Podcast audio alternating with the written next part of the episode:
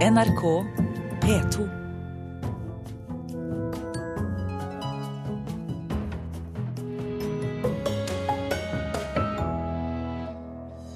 Nettbrettsalget er fordoblet. Forbrukerombudet har hamlet opp med TV-tilbyderne, og resultatet er kortere bindingstid og oppsigelsestid for kundene av kabel-TV og strømmetjenester.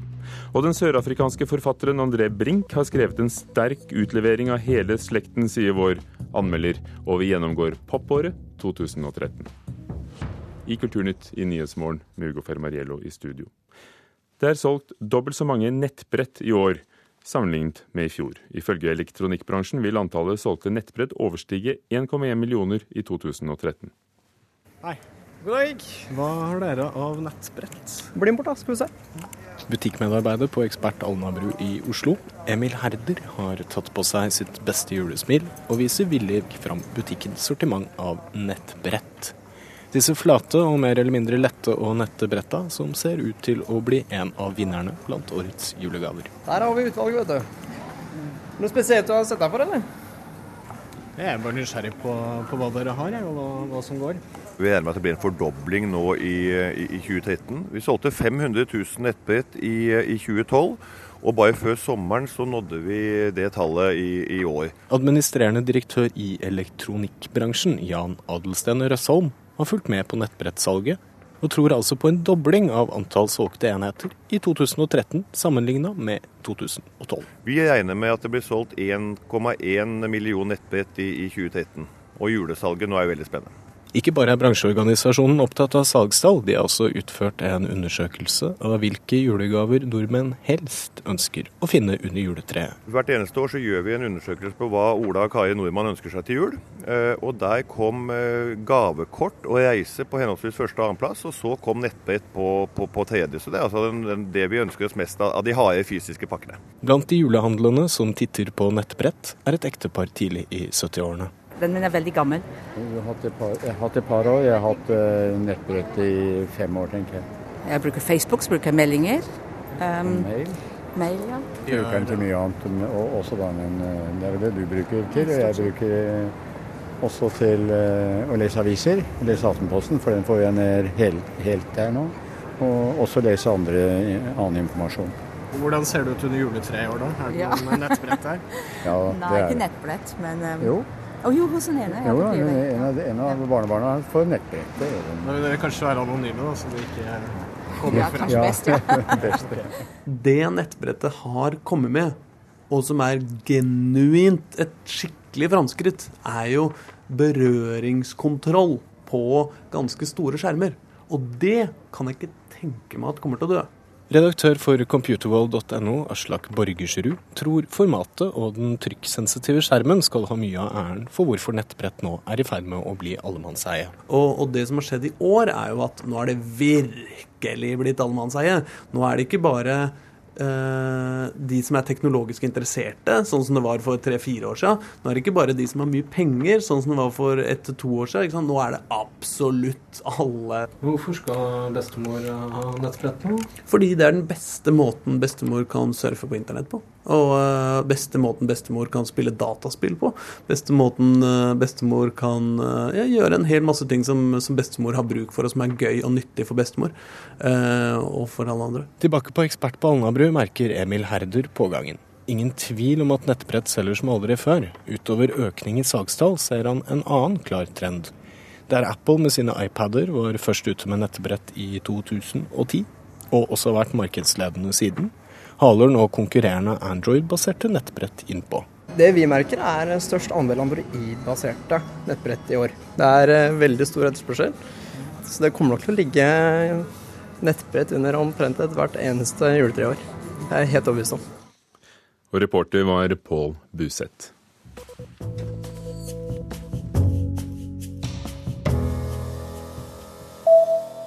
Den nye museumsbydelen i Abu Dhabi blir bygget av tvangsarbeidere. Det mener en internasjonal kunstneraksjon som får støtte av Human Rights Watch og Europaparlamentet. Avisen The Observer mener å kunne dokumentere at arbeiderne bor under uverdige forhold og får dårlig betalt.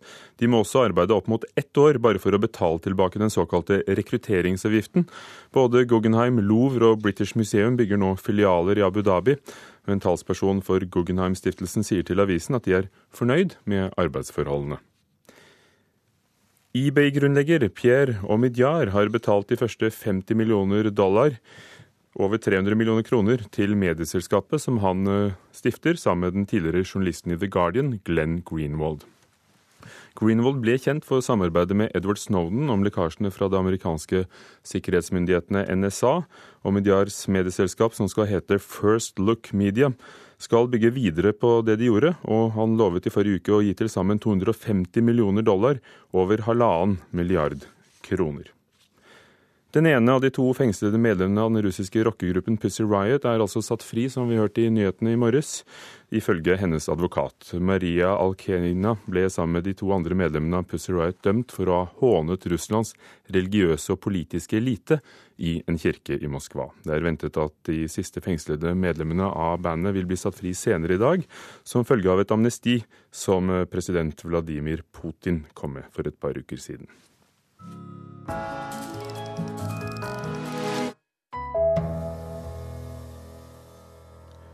Kortere bindingstid, kortere oppsigelsestid, det er resultatet etter at Forbrukerombudet tok for seg leverandører av kabel-TV og strømmetjenester.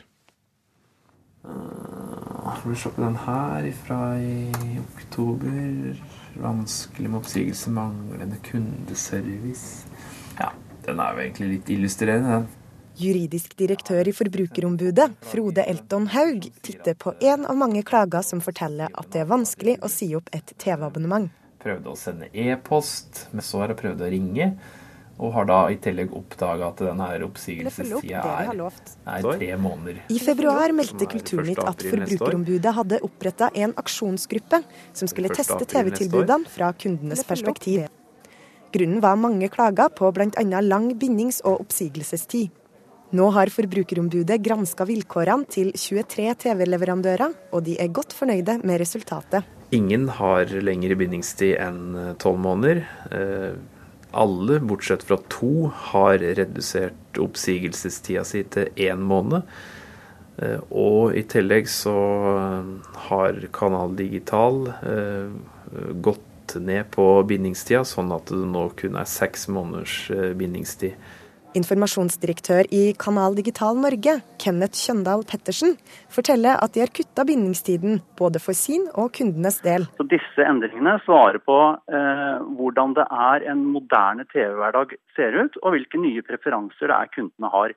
Kundene vil ha større frihet til å velge hva det er de vil se, og hvilke aktører det er de ønsker å være kunder hos. Han er enig med Forbrukerombudet om at det skal være enkelt å si opp et abonnement. Eh, jeg, jeg tror eh, at enhver aktør med tro på seg selv skal gjøre det enkelt for kundene å bli, men også å forlate. Foruten kortere bindings- og oppsigelsestid har strømmetjenestene omtrent kutta ut all binding. Dessuten er flere tilbydere som tidligere ikke godtok elektronisk oppsigelse, snudd. Nå skal Forbrukerombudet passe på at alle følger opp det de har lovt. Eh, framover så vil vi jo følge med for å se at eh, de endringene som TV-tilbydere har sagt de skal gjøre i vilkårene, faktisk blir gjennomført innenfor den tidsfristen som vi har satt, som er 1.4 neste år. Og reporter var Åsta Hoem Hagen.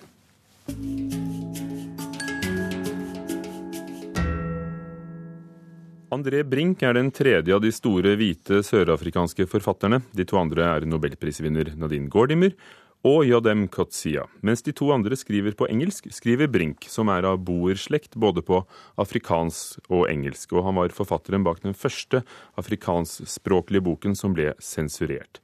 Det skjedde tidligere på 1970-tallet. Brink, født i 1935, er fortsatt en aktiv forfatter. Den nyeste boken hans, 'Filida', er nå ute på norsk, og vår kritiker Marta Norheim har lest den.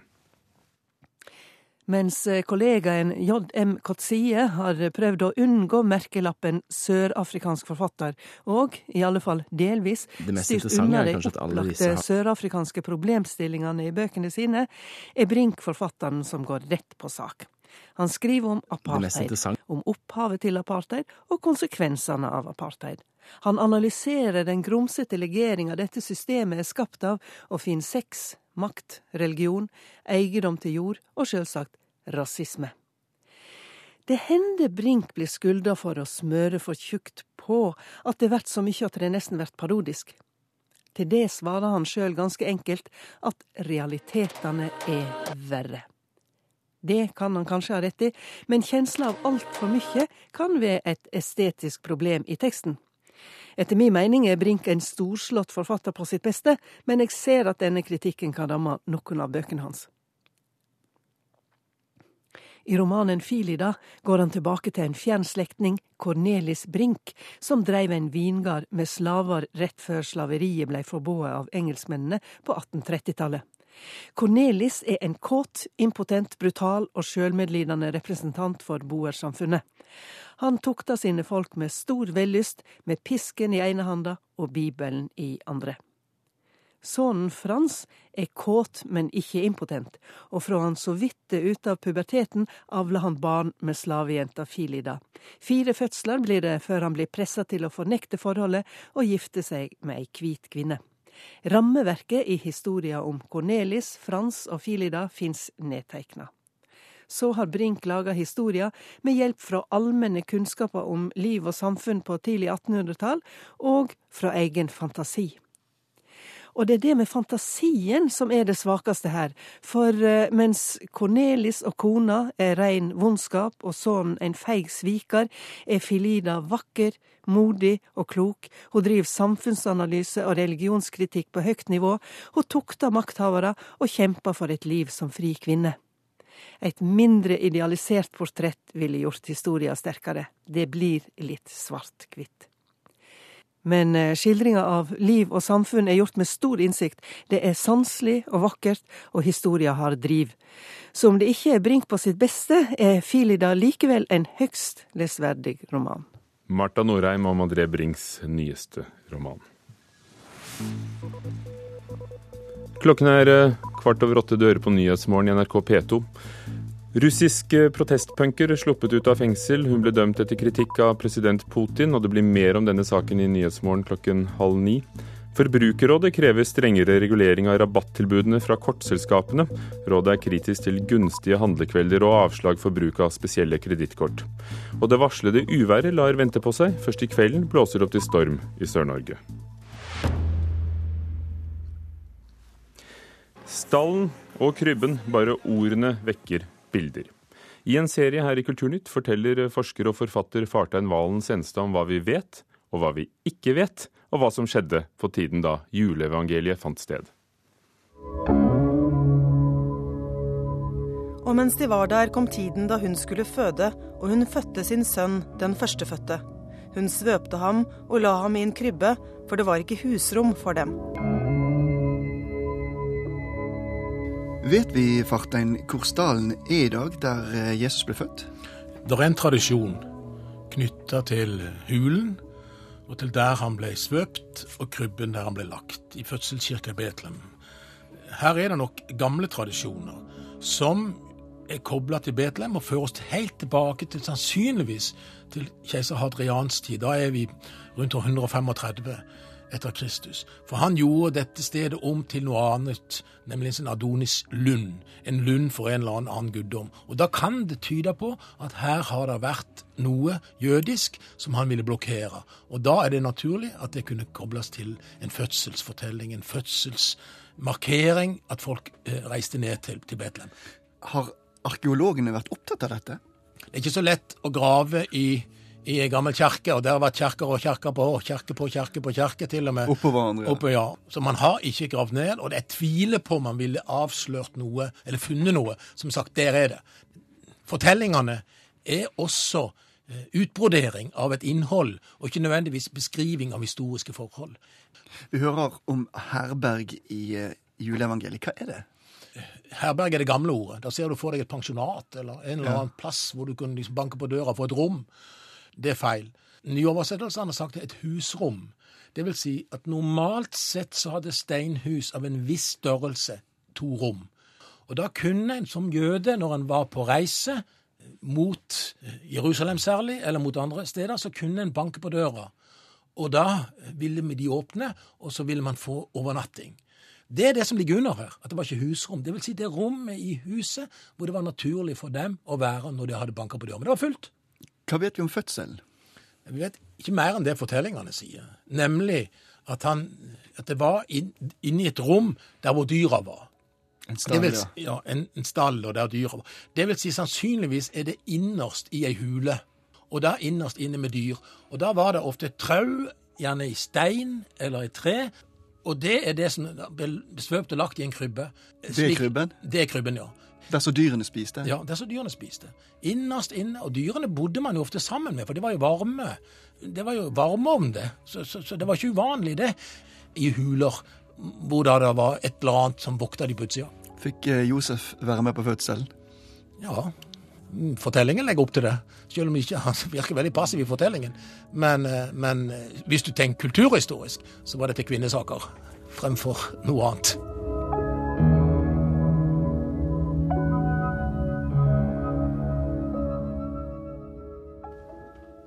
Og fartein Valen Senstad utga tidligere i år boken 'Bonden i Betlehem og fiskeren i Kapernaum' om menneskene som levde på den tiden og på det stedet der juleevangeliet foregår.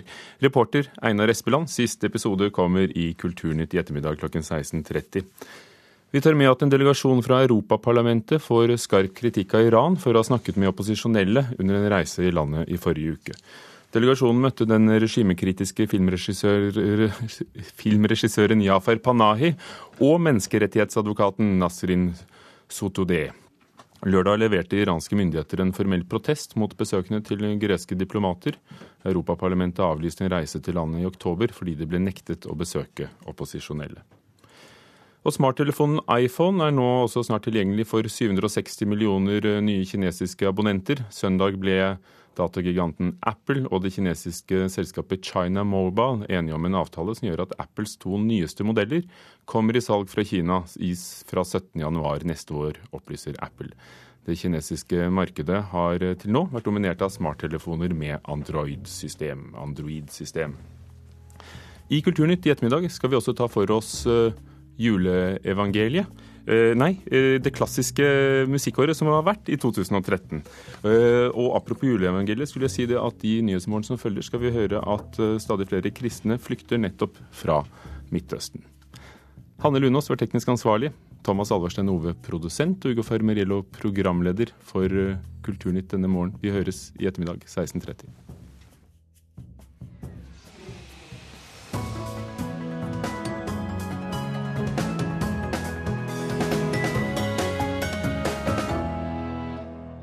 Hør flere podkaster på nrk.no podkast.